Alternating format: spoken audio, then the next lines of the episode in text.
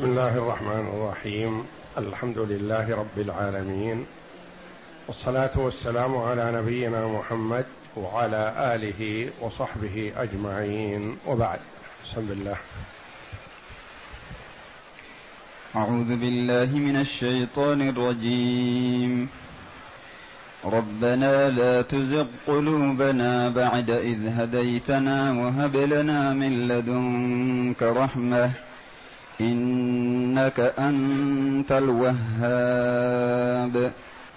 ربنا إنك جامع الناس ليوم لا ريب فيه.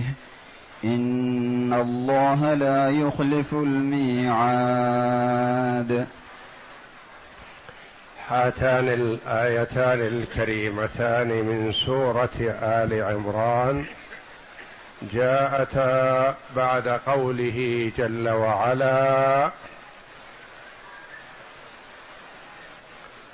هو الذي أنزل عليك الكتاب منه آيات محكمات هن أم الكتاب وأخر متشابهات.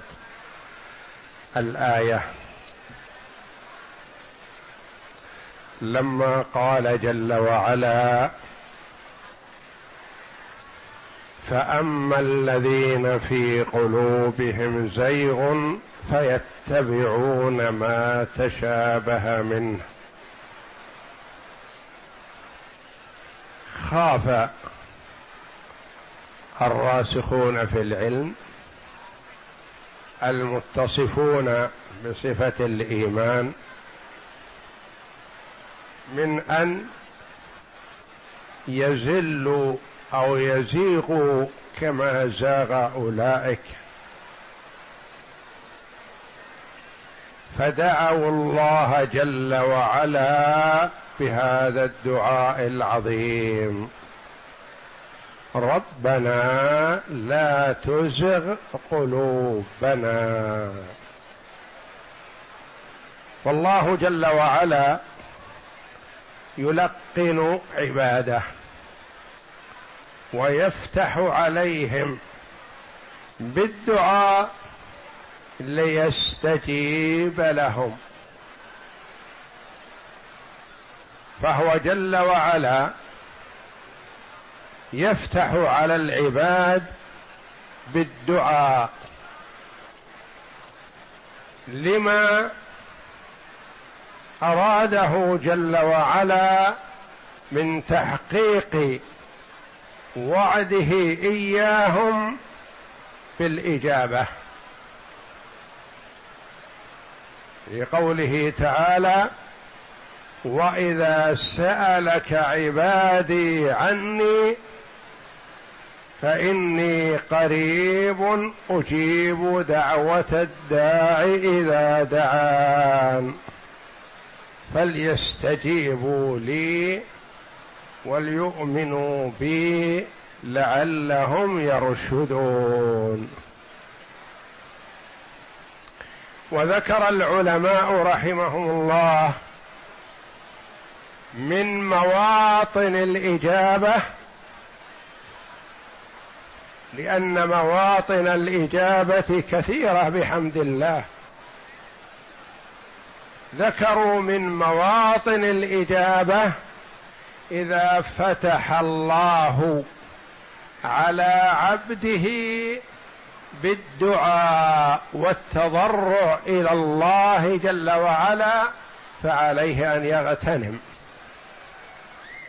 يعلم أنه ما فتح الله عليه بالدعاء إلا ليستجيب له.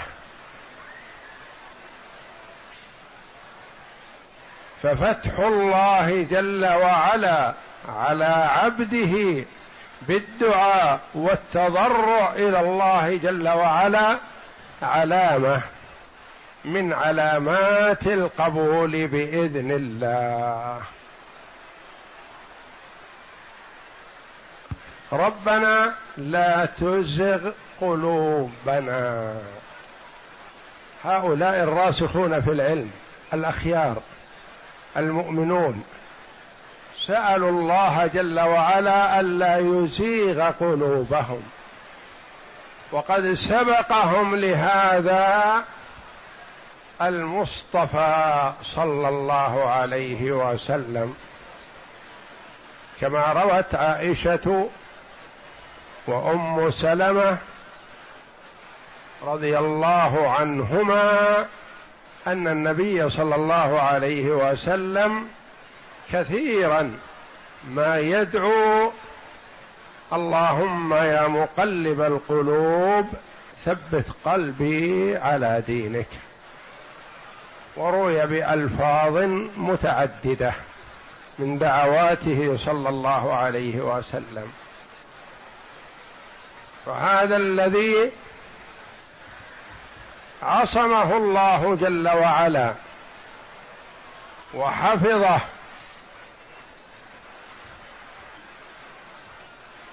يسأل ربه ذلك تعليما للأمة وتضرعا وتذللا لله جل وعلا.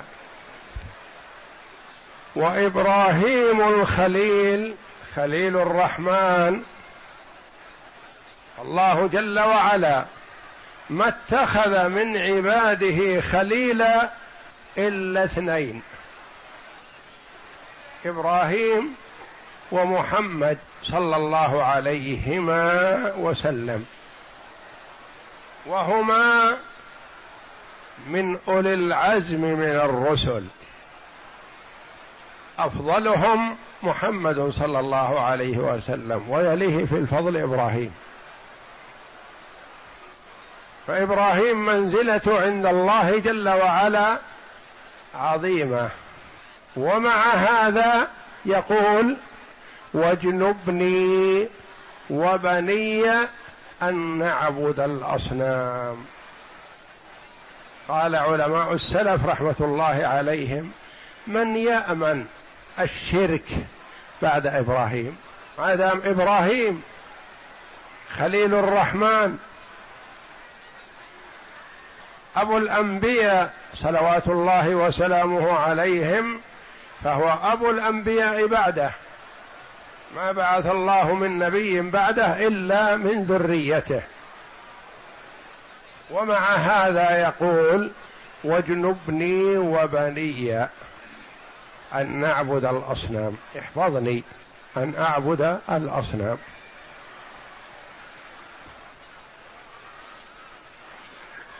ومحمد صلى الله عليه وسلم يقول اللهم يا مقلب القلوب ثبت قلبي على دينك. والله جل وعلا يقول عن هؤلاء الراسخين في العلم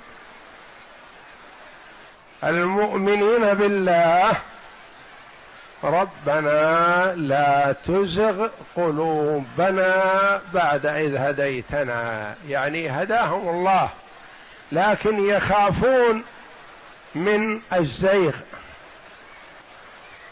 والمؤمن يكون دائما وابدا خائف من الوقوع في الشرك خائف من الوقوع في النفاق. خائف من الوقوع في المعصية. ما يقول أنا من أنا؟ ما يمكن أشرك. ما يمكن يقع في نفسي النفاق. فالمؤمن يتضرع إلى الله جل وعلا دائما وأبدا بطلب السلامة من الضلالة والزيغ والهلاك. ربنا لا تزغ قلوبنا بعد إذ هديتنا. وسؤال الله جل وعلا بهذا الاسم العظيم الربوبية من باب التضرع لله جل وعلا أنك أنت الرب وأنت المنعم وأنت المتفضل وأنت الخالق وأنت الرازق. احفظنا من أن نقع في الزيغ يتقرب إلى الله جل وعلا بأسمائه الحسنى وصفاته العلى وبما يناسب دعوته. ما يناسب دعوته. ما يقول يا المنتقم الجبار الشديد العقاب اغفر لي ولوالدي. لا. ربنا يعني ربيتنا وأنعمت علينا وأعطيتنا وتفضلت علينا فلا تزغ قلوبنا. ثم تقرب إلى الله جل وعلا بنعمته بالهداية. بعد إذ هديتنا فأنت أعطيتنا وتفضلت علينا بالهداية فنسألك أن تديم علينا هذا العطاء ولا تنزعه منا. ربنا لا تزغ قلوبنا بعد إذ هديتنا. وهب لنا من لدنك رحمة. هب لنا. أعطنا. من لدنك من عندك من جودك وكرمك وإنعامك. رحمة رحمة. والتنكير يكون للتعظيم. رحمة عظيمة تنفعنا وننتفع بها. وتحفظنا من الزيغ والضلال. وهب لنا من لدنك رحمة إنك أنت الوهاب. وهذا تقرب إلى الله جل وعلا كذلك بعطائه وكرمه وجوده. أعطنا لأنك أنت المعطي وأنت المتجزل وأنت الواهب. وهب لنا من لدنك رحمة إنك أنت الوهاب المعطي للشيء الجزيل.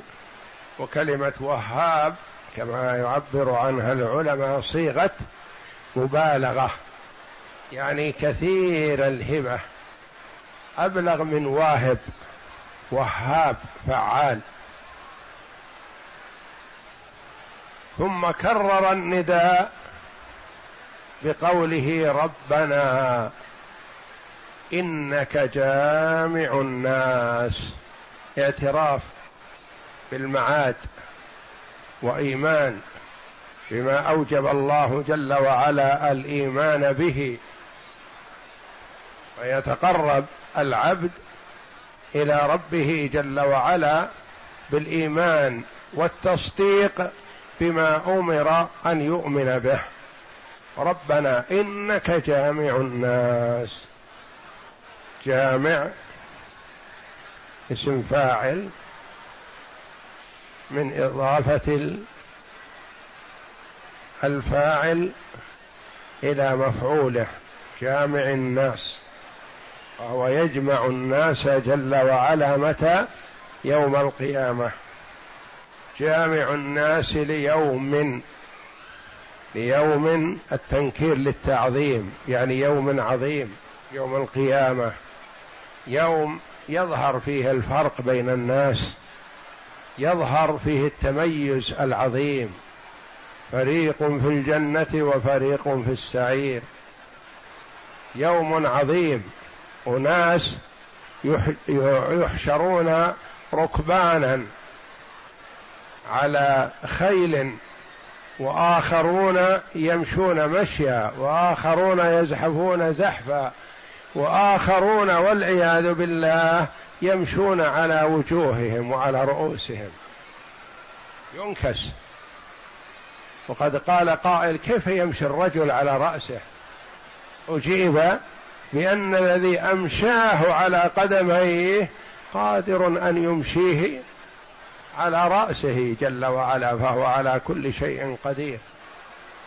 يظهر فيه الفرق بين الناس. ولا أحد ينال مما عند الآخر شيء. وتدنو منهم الشمس ويلجمهم العرق. يلجمهم العرق. وآخرون توضع لهم المائد في ظل الله جل وعلا ويقال لهم كلوا واشربوا هنيئا بما أسلفتم في الأيام الخالية. يوم عظيم. يتميز ويفترق الناس افتراقا عظيما. الدنيا يعطي الله جل وعلا منها المؤمن والفاجر. ولو كانت الدنيا تزن عند الله جناح بعوضة ما سقى كافرا منها شربة ماء لكن الله جل وعلا يعطي الدنيا من يحب ومن لا يحب. وقد يزوي الدنيا عمن يحبه لحكمه وقد ينعم بالدنيا لمن يحبه. فتكون نعمة الدنيا موصولة بنعمة الآخرة. فالدنيا ليست بدليل لا العطاء ولا المنع.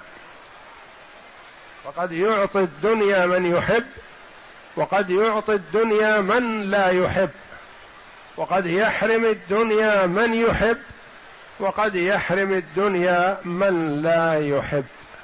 فليست بمقياس. وإنما العطاء لمن يحبهم جل وعلا في يوم القيامة. ليوم لا ريب فيه. لا شك ولا مرية. والله جل وعلا جلى وكشف لعباده ذلك اليوم في كتابه العظيم وفي سنة رسوله صلى الله عليه وسلم. كما جاء عن النبي صلى الله عليه وسلم أنه قال من أراد أن ينظر إلى القيامة كأنها رأي عين فليقرأ إذا الشمس كورت وإذا السماء انفطرت وإذا السماء انشقت وسوره هود بألفاظ متعددة في الأحاديث. بعضها فيه السورتين الأوليين وبعضها فيها السورة الأولى فقط وبعضها ثلاث السور وبعضها السورتين مع سورة هود. تكشف له أحوال يوم القيامة. ليوم لا ريب فيه لا شك. وكشفه الله جل وعلا لعباده بما أطلعهم وأخبرهم به. وأما حقيقة الشيء وإدراك كنهه فهذا ما يدرك إلا في ذلك اليوم.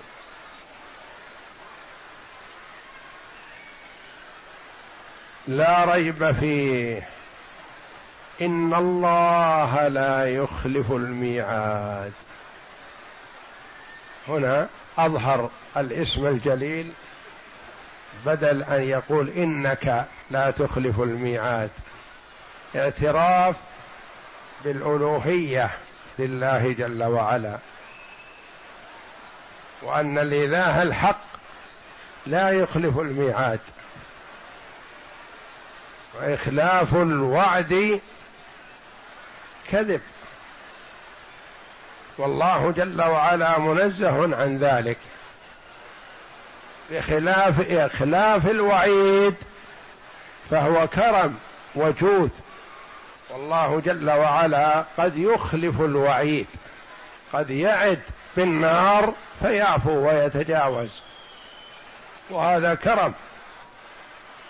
ويعد بالجنة من اتقاه فلا يخلف وعده سبحانه وتعالى. إن الله بدل ما يقول إنك قال إن الله لا يخلف الميعاد. فالله هو أعظم أسماء الله جل وعلا وهو أعرف المعارف. ما روي عن نسيبويه رحمه الله رؤي في المنام بعدما مات فقيل له ما فعل الله بك؟ فقال غفر لي بقولي الله أعرف المعارف لأنه مختص بالنحو رحمه الله. إن الله لا يخلف الميعاد. ما يخلف وعده الذي وعده فهو واقع لا محالة. وإن تأخر زمنه فهو آت ولا بد. وفي هاتين الآيتين تلقين من الله جل وعلا لعباده بالتضرع إليه وسؤاله. والله جل وعلا يحب أن يسأل ويتقرب إليه بأسمائه الحسنى وصفاته العلى ويحسن عند السؤال أن يأتي المرء بالاسم لله جل وعلا المناسب للمقام. فقول فيقول مثلا الله اللهم يا لطيف الطف بي وبعبادك المؤمنين. اللهم يا غفور اغفر لي اللهم يا رحيم ارحمني. وهكذا يتقرب إلى الله جل وعلا بالاسم والصفة المناسبة للسؤال الذي يريده. اقرأ. وقال ابن المنذر رحمه الله في تفسيره عن نافع بن يزيد قال الراسخون في العلم المتواضعون لله المتذللون لله في مرضاته لا يتعاظمون على من فوقهم ولا يحقرون من دونهم. ثم قال تعالى عنهم مخبرا أنهم دعوا ربهم قائلين ربنا لا تزغ قلوبنا بعد إذ هديتنا أي لا تملها عن الهدى بعد إذ أقمتها عليه ولا تجعلنا كالذين في قلوبهم زيغ. الذين يتبعون ما تشابه من القرآن ولكن ثبتنا على صراطك المستقيم ودينك القويم. فالهداية والإضلال والزيغ والرشد كلها بيد الله جل وعلا. وهو جل وعلا لا يظلم الناس شيئا. وهو يجود ويعطي الفضل العظيم سبحانه ولا يظلم عباده. فما يضل إلا من يستحق الإضلال. وهب لنا من لدنك رحمة تثبت بها تثبت بها قلوبنا وتجمع بها شملنا وتزيدنا بها إيمانا وإيقانا. إنك أنت الوهاب. الإيمان يزيد وينقص. الصحابة رضي الله عنهم كما جاء عن بعضهم أن بعضهم يقول لبعض هلم نزدد إيمانا. فيزيد الإيمان بالطاعة وينقص بالمعصية.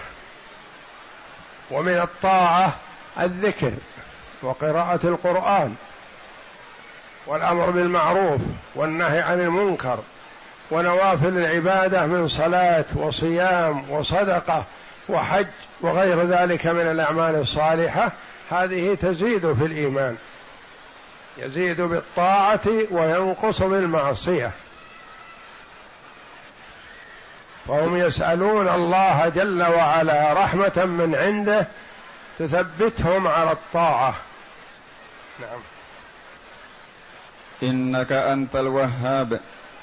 عن أم سلمة رضي الله عنها أن النبي صلى الله عليه وسلم كان يقول يا مقلب القلوب ثبت قلبي على دينك. ثم قرأ ربنا لا تزغ قلوبنا بعد إذ هديتنا وهب لنا من لدنك رحمة إنك أنت الوهاب. وعن أم سلمة رضي الله عنها عن أسماء بنت يزيد بن السكن سمعتها تحدث أن رسول الله صلى الله عليه وسلم كان يكثر من دعائه اللهم مقلب القلوب ثبت قلبي على دينك. قالت قلت يا رسول الله وإن القلب ليتقلب.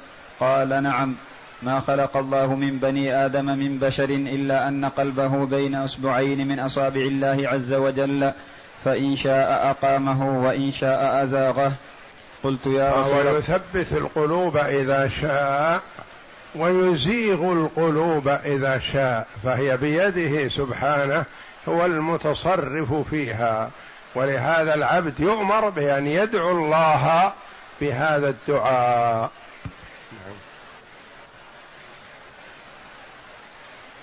قلت يا رسول الله ألا تعلمني دعوة أدعو بها لنفسي؟ قال بلى قولي اللهم رب محمد النبي اغفر لي ذنبي وأذهب غيظ قلبي وأجرني من مضلات الفتن. وعن عائشة رضي الله عنها قالت كان رسول الله صلى الله عليه وسلم كثيرا ما يدعو يا مقلب القلوب ثبت قلبي على دينك. قلت يا رسول الله ما أكثر ما تدعو بهذا الدعاء؟ فقال ليس من قلب إلا هو بين أصبعين من أصابع الرحمن. إذا شاء أن يقيمه اقامه وإذا شاء أن يزيغه أزاغه. أما تسمعي قوله ربنا لا تزغ قلوبنا بعد إذ هديتنا وهب لنا من لدنك رحمة إنك أنت الوهاب. وعن سعيد بن المسيب رحمه الله عن عائشة رضي الله عنها أن رسول الله صلى الله عليه وسلم كان إذا استيقظ من الليل قال لا إله إلا أنت سبحانك أستغفرك لذنبي وأسألك رحمتك. اللهم زدني علما ولا تزغ قلبي بعد إذ هديتني وهب لي من لدنك رحمة إنك أنت الوهاب. وقوله تعالى ربنا إنك جامع الناس ليوم لا ريب فيه. أي يقولون في دعائهم إنك يا ربنا ستجمع بين خلقك يوم معادهم. وتفصل بينهم وتحكم فيهم فيما اختلفوا فيه وتجزي كلا بعمله وما كان عليه في الدنيا من خير وشر. والله أعلم. وصلى الله وسلم وبارك على عبده ورسول نبينا محمد وعلى آله وصحبه أجمعين.